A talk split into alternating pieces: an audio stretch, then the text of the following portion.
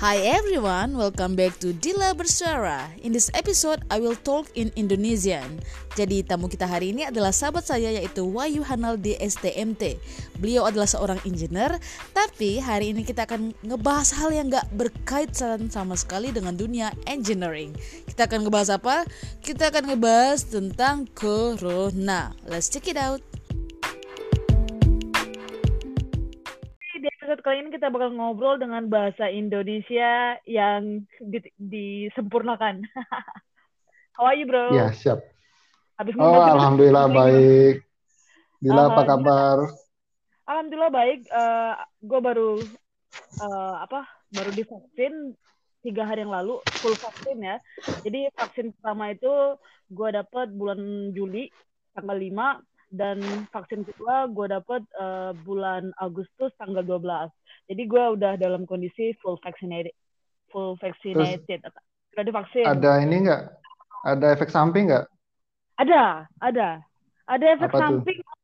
Untuk yang vaksin pertama, gue ngerasa uh, cuma sakit di tang di lokasi yang disuntik. Terus uh, waktu itu, waktu di vaksin yang pertama, gue agak panik, Wahyu Panik kenapa? Panik pertama karena orang Indonesia jarang tuh yang namanya medical check up gitu kan. Karena kalau kalau orang Jepang itu mereka udah biasa medical check up setahun sekali. Terus uh, yang kedua ya gue lapar. Yang ketiga gue takut lapar. karena kan, hmm, divaksin saat perut perut lapar tuh nggak enak. Jadi efeknya adalah waktu waktu jadi kan setelah divaksin itu ada masa observasi 15 menit. Hmm. Observasi sama, sama sama apa uh, tim kesehatannya kalau dalam 15 menit tersebut ada yang tumbang ada yang tumbang atau bermasalah gue sampai ini apa kering tenggorokan. Ada yang tumbang atau yang ada yang bermasalah ya orangnya bakal dapat perhatian khusus. Cuma gue dalam 15 menit tersebut dalam 15 menit itu nggak ada nggak ada nggak ada terjadi hal yang aneh-aneh gue nggak pingsan. Cuma gue ngerasa uh, tiga hari setelahnya dalam dalam kurun tiga hari gue ngerasa keliengan gitu. Keliengan itu bahasa Indonesia bukan? Atau bahasa Enggak kayak. Jawa? Bahasa Jawa kayak. Bahasa Indonesia apa tuh kelingan? pusing mungkin. Bukan pusing sih, but I feel like badan badan gue tuh nggak di nggak di nggak dalam kondisi uh, seperti biasanya. Jadi kayak arwah gue tuh melayang-layang gitu loh. Istilahnya, iya iya. Iya. Iya, iya iya. Ngerti ngerti ngerti. Terus pas di vaksin yang kedua, nah belajar dari pengalaman vaksin yang pertama, uh, gue berusaha untuk gak panik. Gimana sih caranya biar gak panik? Ya pertama, gue makan. Isi hmm. perut. Yang kedua, ya berusaha untuk uh, alihin pikiran. Gue nggak mau ngeliat orang-orang yang yang disuntik dan gue nggak mau ngeliat orang-orang yang lagi diobservasi. Gue uh, lihat-lihat HP dan dan dan melakukan hal-hal yang yang bikin gue nggak ini nggak nggak takut dan ya waktu di hari setelah waktu di hari divaksin itu gue nggak ngerasa kelingan seperti sebelumnya. Dan tangan gue cuma ngerasa sakit gitu. Oh, gue main nih bahasa Indonesia gue amburadul aha susah banget. Iya santai aja. Buat uh, orang Indonesia di tempat asing kan. Oke. Okay. so jadi uh, ya gue gue gak kelingan cuma tangan tangan kiri gue tuh jadi lebih sakit dari daripada vaksin sebelumnya ada oke okay, oke. Okay. Nah, gue pikir gue sehat kan. Soalnya gue udah diwanti-wanti nih sama sama orang-orang sekitar gue, sama profesor juga, hati-hati sama sama apa? sama vaksin kedua. Efeknya bakal lebih keras daripada uh, vaksin yang pertama. Gue udah tunggu-tunggu nih. Oh, kok perasaan gak ada apa-apa ya? Tapi ternyata 24 jam setelahnya uh, gue demam dengan temperatur badan uh, 38 derajat Celcius dan itu sampai besok paginya besok paginya 37,2 Celcius cuma siangnya gue udah sehat. Dan sampai detik ini gue alhamdulillah sehat walafiat. Nggak nggak berasa cuma tangan kiri dong uh, agak sakit doang agak sakit doang gitu. Vaksinnya apa vaksinnya? Oh kalau di Jepang sendiri uh, ke, kita pakai Moderna. Anyway oh, Moderna. ada Iya, ada ada tiga jenis, ada tiga jenis vaksin di di Jepang, tapi commonly kita pakai Moderna dan kemudian uh, di tengah bulan Juli itu pada mulai pakai Pfizer. Tapi kita juga ada uh, AstraZeneca. But commonly okay. we use Pfizer uh, atau Moderna gitu. Dan nggak ada oh, sama sekali. Sinovac Sinovac mah nggak pernah dibahas di sini. Kenapa nggak ya, dibahas? Di, I I don't know but I, if we co try to compare uh, Moderna sama Pfizer itu kan vaksin jenis jenis metode baru ya.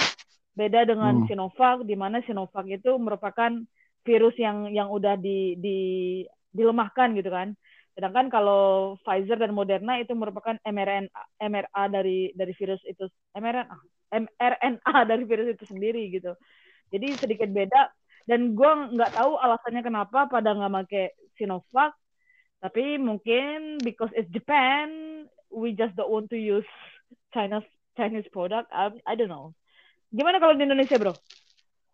Indonesia Wahyu uh, udah divaksin. udah dong udah dua kali oh, juga. Oh, eh gue pikir lo belum divaksin loh. Eh kita mau wajib di Jakarta ini. Oh ceritain dong. Gue nggak tahu. Uh -huh. Jadi kan lu, ada fasilitas tuh dari kantor.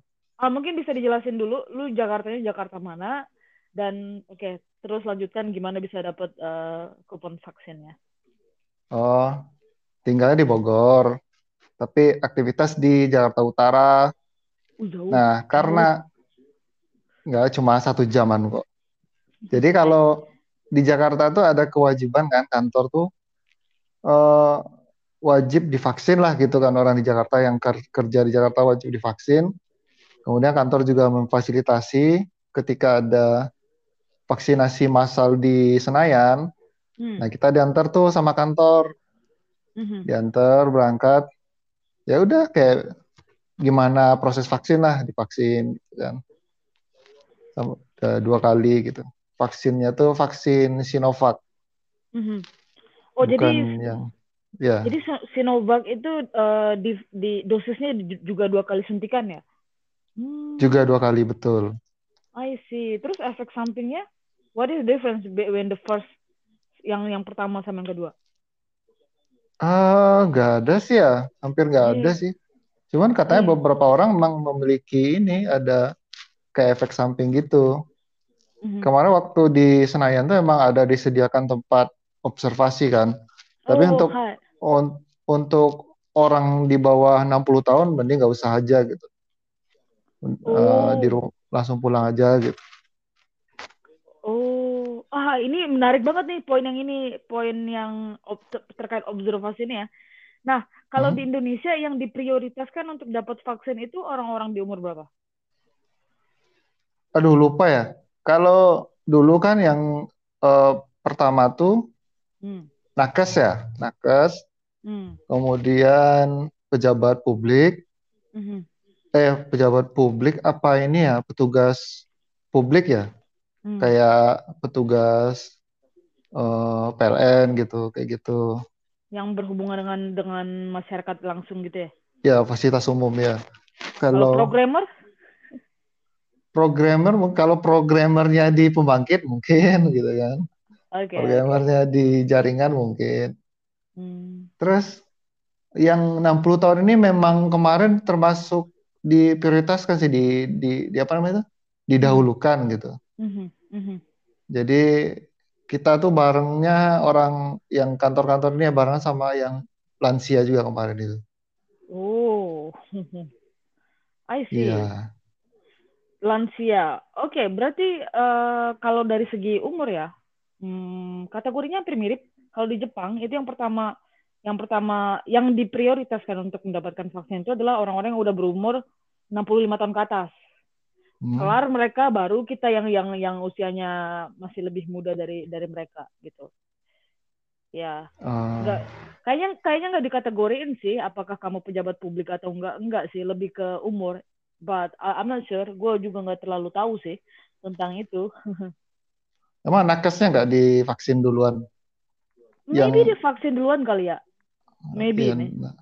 Oh iya iya, iya. gue ingat gue ingat. Jadi orang yang yang yang diprioritaskan untuk mendapatkan vaksin itu adalah orang yang berusia umur 65 tahun ke atas. Kemudian orang-orang yang bekerja untuk orang-orang yang berusia 65 tahun ke atas, yaitu ya orang-orang yang berhubungan dunia kesehatan kan. Yeah. Itu sih. Tapi untuk pejabat diprioritaskan, no man I don't find any articles about that. Kecuali kalau pejabatnya usianya 65 tahun ke atas. ya nggak tahu ya. Kemarin kalau ini apa kurang ini juga sama update berita tapi kalau dibilang pejabat sih kan presiden duluan tuh yang divaksin. Apakah karena, karena presiden duluan ah, gitu kan jadinya pejabat. Mm. jadi nggak bisa kasih ini juga kepastian nih. Nggak baca berita juga soalnya nih. I see. Ya mungkin kenapa kenapa uh, presiden itu didahulukan kalau nggak salah? Karena emang ada beberapa masyarakat yang nggak yakin kan untuk divaksin. Udah coba dulu presidennya dong. Kalau presiden udah baru kita gitu kan. Ada ada nah, iya. ada yang komen gitu kalau seingat gua. Iya betul. Ada juga hmm, gitu ya ya nah kalau di Jepang sih ya presiden juga termasuk yang awal ya. Kenapa? Karena usianya aja if I'm not wrong it's like 70 tahun berapa gitu umurnya Emang Jepang ada presidennya? Prime Minister. Prime Minister. Prime Minister. Oh, bukan raja. Bukan kaisar. eh, Jepang itu sistemnya parlementer kalau gua nggak salah. Jadi uh, apa hmm. emperor, kaisar itu hanya sebagai simbol negara uh, di mana pemimpin negara yang sesungguhnya adalah prime prime minister. Gitu. Uh, ya, dan iya, iya. usianya juga aduh gue lupa antara 70 atau atau 80 ya. Orang di sini mah umurnya panjang-panjang, Bro. Panjang-panjang. mm -mm, jadi uh, ketemu orang usia 100 itu udah udah bukan hal yang aneh gitu. Hmm, hebat dong mm -hmm. Jepang ya I don't know is that good or bad. Karena kan orang mudanya jadi jadi sedikit gitu ya. Orang tuanya jadi banyak dan itu jadi beban ekonomi. Karena orang-orang orang yang lebih uh, I don't know is that polite or not? Orang lebih tua usia yang usianya di atas 65 tahun kan biasanya udah retired.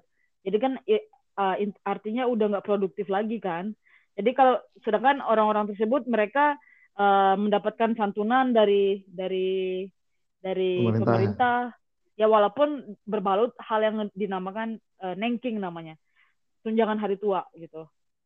But ya uh susah juga nih gue ngobrol gue gue oh, ya, mau apa, aja apa. Mhm. kita yang yang nggak tahu Jepang ini kan jadi tahu gitu hmm. dan sekarang di Jepang itu lagi ini lagi lagi hujan hujan yang amat sangat deras dan itu terjadi dalam waktu seminggu, semingguan ini hmm. dan uh, gue kan nyari-nyari artikel ya tentang apa uh, rate berapa sih uh, peringkat Indonesia di dunia ataupun di Asia Tenggara terkait dengan corona ini ya ternyata Indonesia itu nomor satu di Asia Tenggara ya mm-hmm. terkait oh, ya tapi hari ini gue dapet info gue buka Google gue lihat uh, new case di Indonesia tanggal 12 itu ada eh tanggal 13 ya hari tanggal 14 berarti kemarin ya kemarin, ya, kemarin. itu ada 30 ribu 30 ribu 788 kasus baru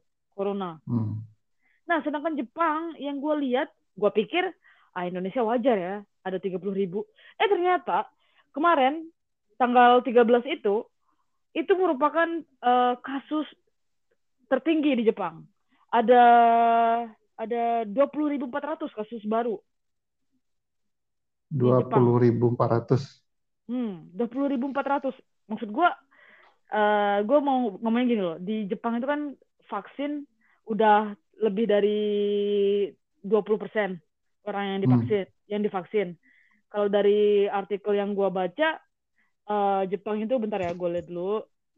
Jepang itu untuk full vaccine people itu ada 36,7 persen. Untuk partial people ada 12,12 persen yang divaksin. Partial ini maksudnya mereka cuma dapat uh, vaksin dosis pertama doang. Dosis yeah. keduanya belum. Nah, jadi totalnya orang yang udah divaksin di, di Jepang itu ada 48,82 persen. Sedangkan di Indonesia sendiri yang di di full vaksin itu ada 9,67 persen dan yang di vaksin sebagian itu cuma 9,57 persen. Nah, dengan total berarti ada 19,20 persen orang Indonesia yang divaksin. Di sini yang mau gue bilang, ternyata di Jepang walaupun udah banyak yang divaksin, ternyata kasusnya juga masih tinggi ya. I don't know hmm. what's what's going on. Uh, but gue jujur aja terkaget-kaget waktu gue bilang waktu gue tahu lu udah divaksin tapi karena kalau gue dari dunia luar gue taunya di Indonesia itu vaksin amat sedikit. Jadi awalnya tuh gue gue mau ngundang lu, gue tuh pengen tanya sebenarnya kenapa lu nggak mau divaksin dan lain-lain kayak gitu. But, Siapa yang bilang nggak mau divaksin? Iya, makanya gue gue salah. Oh my god, gue salah nih sasaran gue. Gue pikir gitu. But anyway, what do you think? Kenapa kenapa banyak orang Indonesia ini 9% loh, 9% dan dan dan anyway kalau kita lihat dari data ya emang ada ada 30 ribu kasus baru di Indonesia, but I believe and some researcher believe mungkin sebenarnya 10 times, 10 kali lipat karena karena ini kan tergantung juga dari berapa jumlah ini kan, berapa jumlah orang yang dites pada hari itu gitu kan. Nah, yang gue pengen tahu nih, kenapa sih ada orang yang gak mau divaksin di Indonesia? Oh, langsung jawab ya? Ya. Yeah. Uh, uh, sebelum itu, gue juga mau ngambil sampling karena di daerah Sumatera, uh, Bengkulu eh? atau Sumatera Barat misalnya kan, gue lihat dari dari gue nggak lihat data sih gue cuma dengar dari cerita-cerita doang ya orang masih pada males divaksin gitu so could you give me enlightenment what what is happening as people who stay in Indonesia oke okay. mungkin pertama uh, nanya kan uh, Wahyu mau divaksin atau enggak kemarin sebenarnya nggak mau kenapa nggak mau karena emang uh, apa namanya vaksin tuh apa ya uh, apakah di, orang divaksin itu ada jaminan langsung sembuh gitu kan? Ternyata juga enggak.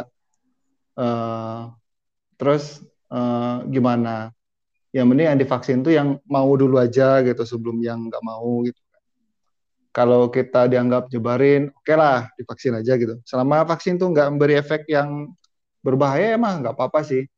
Tapi kalau kecenderungan orang Indonesia itu kan karena ini ya, karena di berita gitu kan. Uh, isu-isu atau katakanlah hoax-hoax gitu kan. Mm-hmm. Nah, ada juga apa? Sebenarnya bukan di masyarakat juga sih yang salah gitu kan. Uh, kalau boleh dibilang sih pemerintah juga dari awal nggak kelihatan tidak serius dalam menghadapi COVID. Gitu.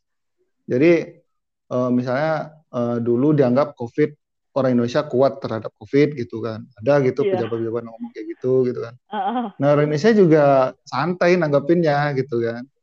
Hmm. Uh, terus uh, apa? Ketika kasus meledak uh, dan segala macamnya, ya gitu deh kira-kira. Dan sekarang pun kan ternyata orang udah berubah pikiran kan, udah banyak yang divaksin kan, udah banyak hmm. yang mau maksudnya.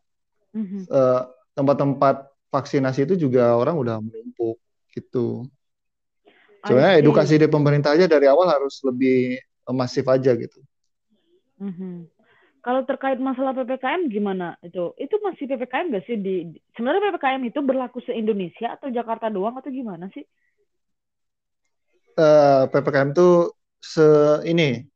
Jadi dulu kan ada namanya PSBB, terus hmm. PSBB darurat ya. Terus hmm. apalagi gitu kan?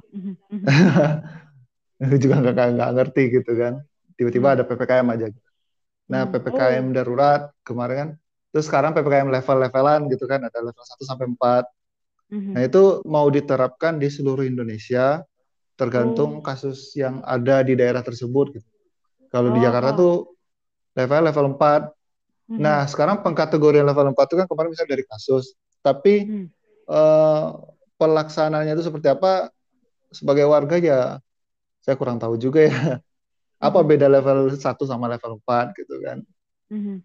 nah nggak tahu juga gitu sekarang masih uh, tapi kalau dilihat pelaksanaannya sekarang ya hampir nggak ada ini deh gitu coba uh, Dila main ke sini kan masuk mm. dari perbatasan Bogor ke Jakarta mm. Kat, dulu di awal-awal tuh di apa nih disekat. Sekarang udah nggak mm. ada lagi. Tapi masih dalam status ppkm itu sebenarnya? Masih dalam status ppkm ya betul. Eh wow. Lus ya? Lus longgar ya maksudnya? Uh, oh. iya longgar. Long karena ya bisa dibilang longgar lah.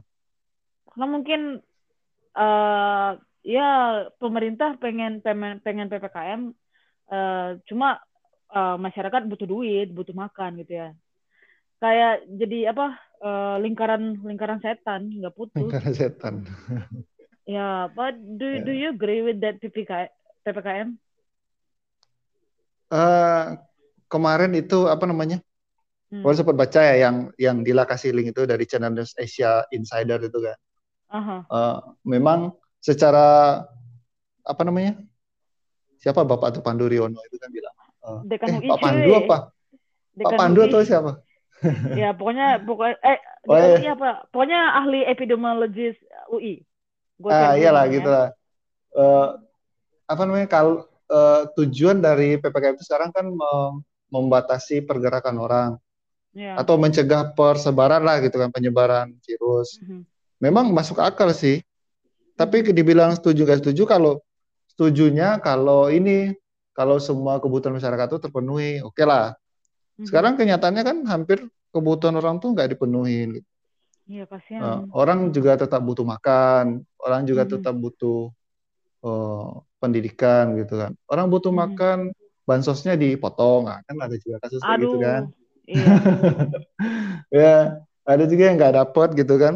Kan hmm. itu banyak tuh di berita-berita kayak di IG atau di mana gitu di sosmed banyak Hmm. Banyak yang protes, Bapak kenapa jualan di tengah malam malam-malam gini? Ya saya juga butuh makan Pak, butuh ini kan Bapak mau ngasih hmm. gitu kan. Nah, yeah. itu serba serba salah kan. Memang benar yeah. kayak gitu. Uh, lingkaran setan kayak gitu tadi. Tapi kalau hmm. setannya banyak ya gimana caranya gitu. Ngerti lah ya gitu. Iya. Aduh, kalau kayak gitu sih kasusnya gue sendiri juga jadi nggak tahu nih kapan bisa balik ke Indonesia. Amin lah. Kalau gue kalau gue balik ke Indonesia pun terus pas gue balik ke Jepang jangan-jangan pintu pintu untuk balik ke Jepang aja mungkin bisa ketutup untuk orang-orang Indonesia gitu gara-gara yeah, yeah. saking banyaknya saking uncontrollable gitu nggak bisa nge-tracing iya masalah kita kan kita nggak bisa nge-tracing ya sebenarnya kan tujuan awal tujuan awal adanya limited uh, apa pergerakan terbatas itu ya supaya misalnya uh, ada orang yang terkena virus itu mereka bisa terkonsentrasi di area itu aja dan nggak berpindah ke daerah lain terus nanti jadi easy gampang di tracking. Cuma kan sekarang tuh udah udah nggak bisa di tracking lagi. Jadi ibarat kita keluar rumah mungkin awalnya sehat-sehat terus balik-balik tiba-tiba sakit gitu kan. Mungkin itu yang gak, yang yang nggak diinginkan oleh orang-orang negara lain. Dan mungkin ya kayak yang si profesor epidemiologi dari UI juga bilang yang gue sampai sekarang juga nggak ketemu namanya sorry. Hmm. ya gue gue setuju juga dengan dengan yang dia bilang. Mungkin pemerintah juga uh, gagal untuk mengedukasi masyarakat untuk bilang tujuan utama.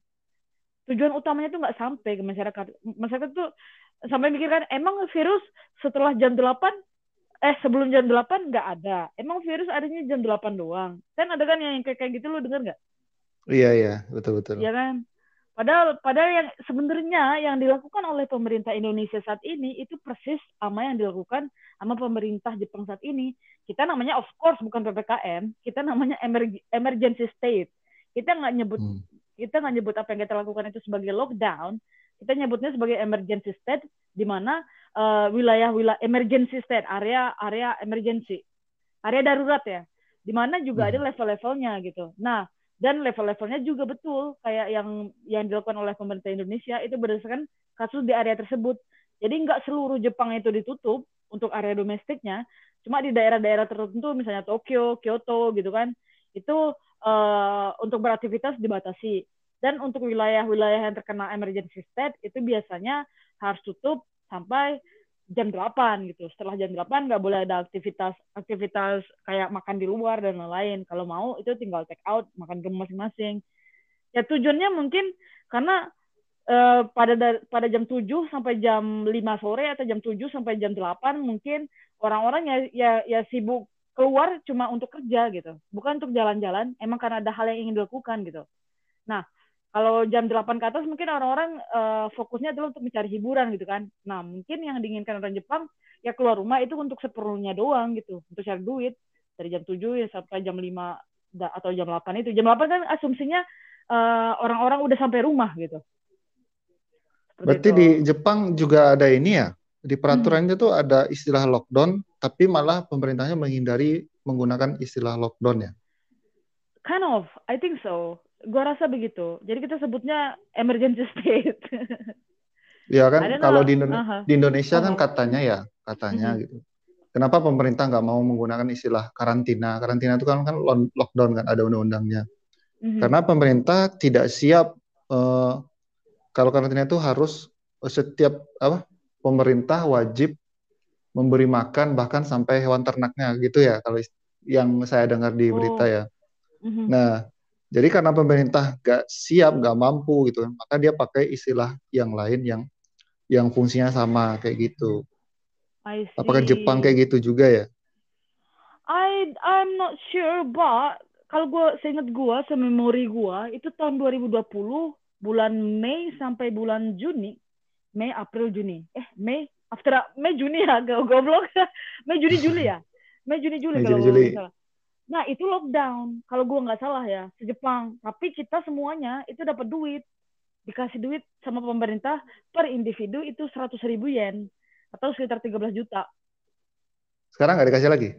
Ya sekarang nggak karena karena ya karena karena nggak lockdown as you said uh. it's emergency state it's only partial area only. Tapi waktu yang waktu yang lockdown itu ya benar-benar toko tutup gak kalau karaoke tutup. Ah gue gak terlalu ingat sih kejadian tahun lalu. Mm-hmm. Udah habis duitnya berarti. Or maybe they try to find another strategy. Karena yeah, kan iya, benar. sekarang, ya kan? Udah ada yeah. solusi, udah ada solusi alternatif. Kayak kata kayak kata ketakutan Wahyu sebelumnya sih, sebenarnya uh, vaksin emang nggak menjamin kita untuk tidak tidak kena corona 100%, vaksin itu hanya bikin tubuh kita supaya lebih kebal daripada tidak divaksin gitu kan. Vaksin itu sebenarnya hmm. tujuan utamanya adalah supaya si individu itu tidak perlu ke rumah sakit ataupun tidak mati. At least tuh bikin kita nggak mati aja gitu loh. Hmm. Melemahkan si virus itu gitu. Jadi kalau misalnya ada yang bilang ngapain divaksin itu tetangga gue ujung-ujungnya kena kena kena corona juga. Tapi harusnya sih ya di di di kasus yang yang sering disebutkan di beberapa artikel-artikel ini ya seharusnya sih orang yang udah divaksin itu tidak meninggal ataupun ataupun tidak di hospital nggak nggak nggak ke, sampai ke rumah sakit gitu. Cuma nggak tahu nih kasusnya di Indonesia gue jadi susah jawab. Jadi kayak suatu hal yang susah kita samakan di untuk ke daerah luar. Karena di Indonesia ada beberapa kasus orang walaupun dia udah kena vaksin tapi meninggal juga kan. Iya yeah, iya. Yeah. jadi setiap gue setiap gue Eh, setiap gue baca artikel, gue gue gue nonton video bahwa vaksin itu bikin kita tidak mati. Ba ketika gue lihat realita di Indonesia, hmm, gimana ya? Cuma pas gue lihat di di artikel tersebut, mereka tidak ngebahas tentang Sinovac sama sekali. Nggak satu kata pun ada kata Sinovac. Mereka selalu menyebut Johnson and Johnson, uh, Pfizer, Moderna, atau AstraZeneca, um, like that. Oh, jadi yang di yang pakai Astra, pakai Moderna tuh nggak ada yang mati gitu ya? Hmm, belum aja sih menurut gua. Nah, ya nggak apa-apa sih. Kalau datanya bilang gitu mah Nah, sebenarnya yang yang ini ya, kalau kalau Dila mau nonton itu ada Carnelius Club gitu kan. Oh. Kan nonton si nonton si ini tuh Siti Fadila Supari. Oh iya. Dia hmm. dia ngasih komentar juga kayak gitu kan. Hmm. Uh, apa namanya? Uh, kenapa oh bukan itu bukan pilihan Indonesia, bukan pilihan presiden sih. Uh, kalau ditanya Siti Fadila Supari kenapa dia nggak mau pakai Moderna atau uh, apa Pfizer apa namanya? Pfizer. Kayak Pfizer gitu kan? Mm -hmm. uh, karena dia lebih paham dengan metode yang lama gitu, yang metode Sinovac gitu. Mm -hmm. Karena uh, dia nggak tahu yang Pfizer itu atau yang lain yang sering itu efeknya 10 tahun lagi itu apa gitu. Kalau dengan ya, metodenya Sinovac, hmm. Siti Fadila dia yakin karena dia udah pengalaman di bidang itu katanya. I see. Well, she's not wrong. Mereka, dia benar karena sebelumnya sebenarnya vaksin vaksin metode mRNA ini waktu awal munculnya juga udah ditolak sama sama uh, apa ahli kesehatan lainnya di awal-awal dulu ya karena eh, nggak uh, ada jaminan nih what what what will happen. Cuma hmm. mungkin sekarang uh, dengan teknologi yang semakin lebih canggih, uh, ya mereka berani ambil resiko dan ke, sekarang kita dalam kondisi darurat ya. Karena ya bisa kita lihat sendiri Sinovac itu uh, efisiensinya rendah di sepertinya gitu. I don't know. E efisiensi apa efektif apa namanya? Efikasi. Exactly. Efikasi, I, ya. I, ya bagus bagus kalau Wahyu Wahyu mengangkat ini ya. Efikasi sama efisiensi tahu kan bedanya apa? Apa? Nggak tahu. Coba jelasin. Hmm, jadi efisiensi itu adalah uh, bagaimana kinerja dari suatu sebut saja vaksin misalnya uh, dalam dalam uh, menyelesaikan targetnya ke masyarakat, ke masyarakat yang udah divaksin itu. Ke masyarakat yang udah divaksin itu ya. Sedangkan hmm. efikasi adalah bagaimana kinerja dari vaksin tersebut dalam masa uh, clinical trial. Jadi untuk orang-orang yang dalam dalam masa uji coba doang dalam kelompok uji coba doang. Jadi ketika kita bikin vaksin atau bikin hal-hal yang berkaitan dengan kesehatan dan kita ingin ingin mengkomersialisasikan atau ingin ingin menyebarkan ke masyarakat umum kan ada beberapa fase. Salah satunya adalah fase tahap klinis ya. Tahap klinis. Nah efikasi itu biasanya digunakan pada tahap klinis itu. Sedangkan efisiensi digunakan setelah bukan dalam uji klinis lagi udah udah diterapkan sama masyarakat yang make gitu itu perbedaan utamanya can you understand that? Uh.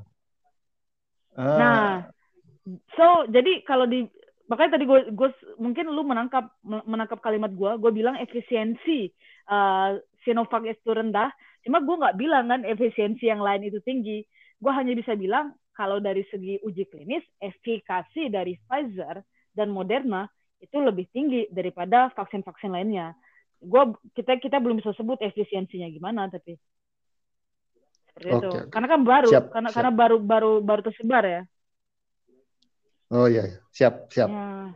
Mm-hmm. Siap paham. Ya, I hope.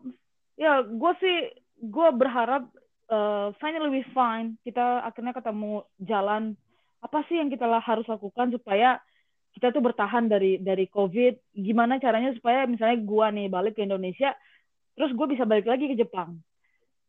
Hmm. Ngerti nggak?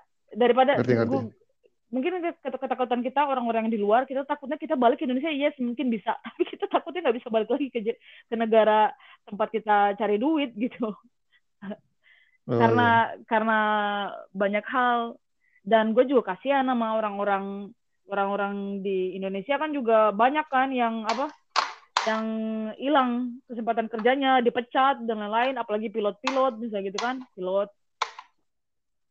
Ya. Ini ya apa namanya? Kalau boleh kasih komentar ya. Hmm. Kalau kayak uh, masih balik yang di Siti Fadil Spari tadi kan, hmm. dia bilang kayak gini. Memang uh, dia ngasih saran sih gimana caranya supaya oh. uh, uh, kejadian kayak gini tuh nggak ini lagi metodenya yang dirubah gitu. Metode misalnya uh, apa namanya? Sekarang kita punya data nih kasus harian, kasus kesembuhan sama kasus kematian gitu kan uh, mengubah persepsi inilah kalau boleh saya sebut ya persepsi mengenai virus. Gimana caranya virus COVID ini nggak dianggap mematikan lagi? Hmm. De gimana caranya dengan mengurangi jumlah kematian gitu kan? Hmm. Artinya sekarang ini udah terlanjur meledak nih. Kenapa terlanjur hmm. meledak? Alasan yang disebutkan tuh kayak uh, beliau bilang tuh Indonesia dilarang apa namanya berkumpul. Ya nggak bisa. Apalagi orang Jawa. Orang Jawa yang notabene paling banyak di Indonesia tuh mempunyai prinsip kayak gini. Makan uh, apa? mak ya makan orang makan tutup ngumpul kan? Oh, iya. jadi nggak uh. bisa dicegah gitu kan? Nah sekarang diubah aja persepsi terhadap virus ini. Gimana caranya uh, oke okay, menyebar menyebar lah tapi yang penting orang nggak mati gitu kan nah itu masuk akal sebenarnya Uh, jadi yang dirawat di rumah sakit itu adalah orang-orang yang benar-benar udah berat gitu kan. Mm-hmm. Uh, jadi efeknya apa akan mengurangi jumlah keterisian rumah sakit juga gitu kan.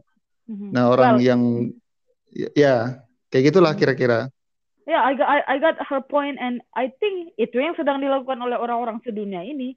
Gimana caranya supaya maybe COVID itu bakal ada se seumur hidup, tapi uh, caranya supaya kita nggak mati ya itu tadi dengan uh, kita pakai vaksin atau adanya herd immunity. Herd immunity ya salah satunya gimana caranya supaya kita bisa memvaksin at least sampai 98% penduduk atau ya 98% penduduk itu mendapatkan corona gitu. Jadi bisa bisa muncul imun dari tubuhnya, jadi mengurangi kematian in the end of the day. Sama kayak penyakit dulu ya cacar atau apa gitu. I don't know, gue takut salah sebut. Iya, semuanya think, kayak gitu Ya, yeah, I I agree with her mindset and I think orang-orang emang lagi ngelakuin itu gitu. Mm-hmm. Just Tapi kalau mm-hmm. kalau menurut sini siapa namanya uh, Menteri Kesehatan Budi Gunawan itu, uh-huh. uh, dia bilang vaksin itu bukan buat uh, yang kayak gitu katanya. Kenapa? Gak tahu ya. Gue nggak tahu. Gue ya. tahu sama sekali. Mm-hmm. Lupa juga dia bilang apa. Uh, oh. uh, intinya apa namanya? Uh, apa namanya? Uh, biar nggak meledak gitu kan. Eh tapi bukan vaksin ya, ini ya uh, pembatasan itu sih. Jadi eh, jauh lah. Uh-huh. jadi intinya kenapa orang dibatasi biar uh, rumah sakit itu nggak cepat penuh gitu intinya. Ya. ya. Dan vaksin uh-huh. vaksin apa ya ngaruh ke sana nggak tahu sih. Kagak Kita mau orang biasa. Kagak Kagak lah. Vaksin, vaksin. Tapi tapi gini loh, tanpa vaksin pun kan kita sebenarnya bisa herd immunity kan? Iya kak bisa, kalo... tapi uh, bisa kalau kalau emang anti antibodinya juga in the end of the day pada kuat-kuat gitu. Ya herd immunity kalau misalnya pada pada mati ya gimana gitu. Ya, sekarang buat mencegah orang mati aja ya. exactly. That is what I what I what I learn sebenarnya tujuan utama vaksin itu gimana cara orang nggak mati aja gitu. Jadi kadang kan uh, orang Indonesia banyak juga yang salah persepsi mikirnya vaksin itu adalah obat gitu. That's not true. Hmm. Vaksin itu ya bukan obat.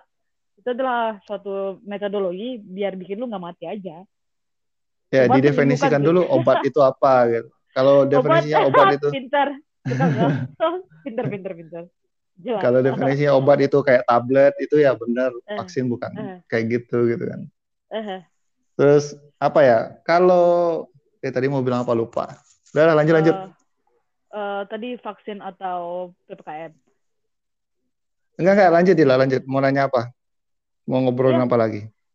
Itu aja dulu. Nanti gue setelah dapat inspirasi gue bakal lanjut ke part kedua karena sekarang udah 36 menit. Jadi okay. uh, eh, podcast ini kalau dia udah lebih dari 30 menit sebenarnya suaranya bakal jelek bro. Bakal tumpang tindih technical okay, technical siap. issue ya gitu jadi next time if you have time I will invite you again kalau ada hal-hal yang ingin gue klarifikasi tentang Indonesia lu salah satu orang yang bakal gue kontak pertama oke okay? siap siap kalau okay, bisa langsung you. ke pemerintahnya lah gitu. Oh iya ya. Eh enggak lah takut gak oke okay, thank you very much for today. Have a nice oke okay, sama-sama oke okay, bye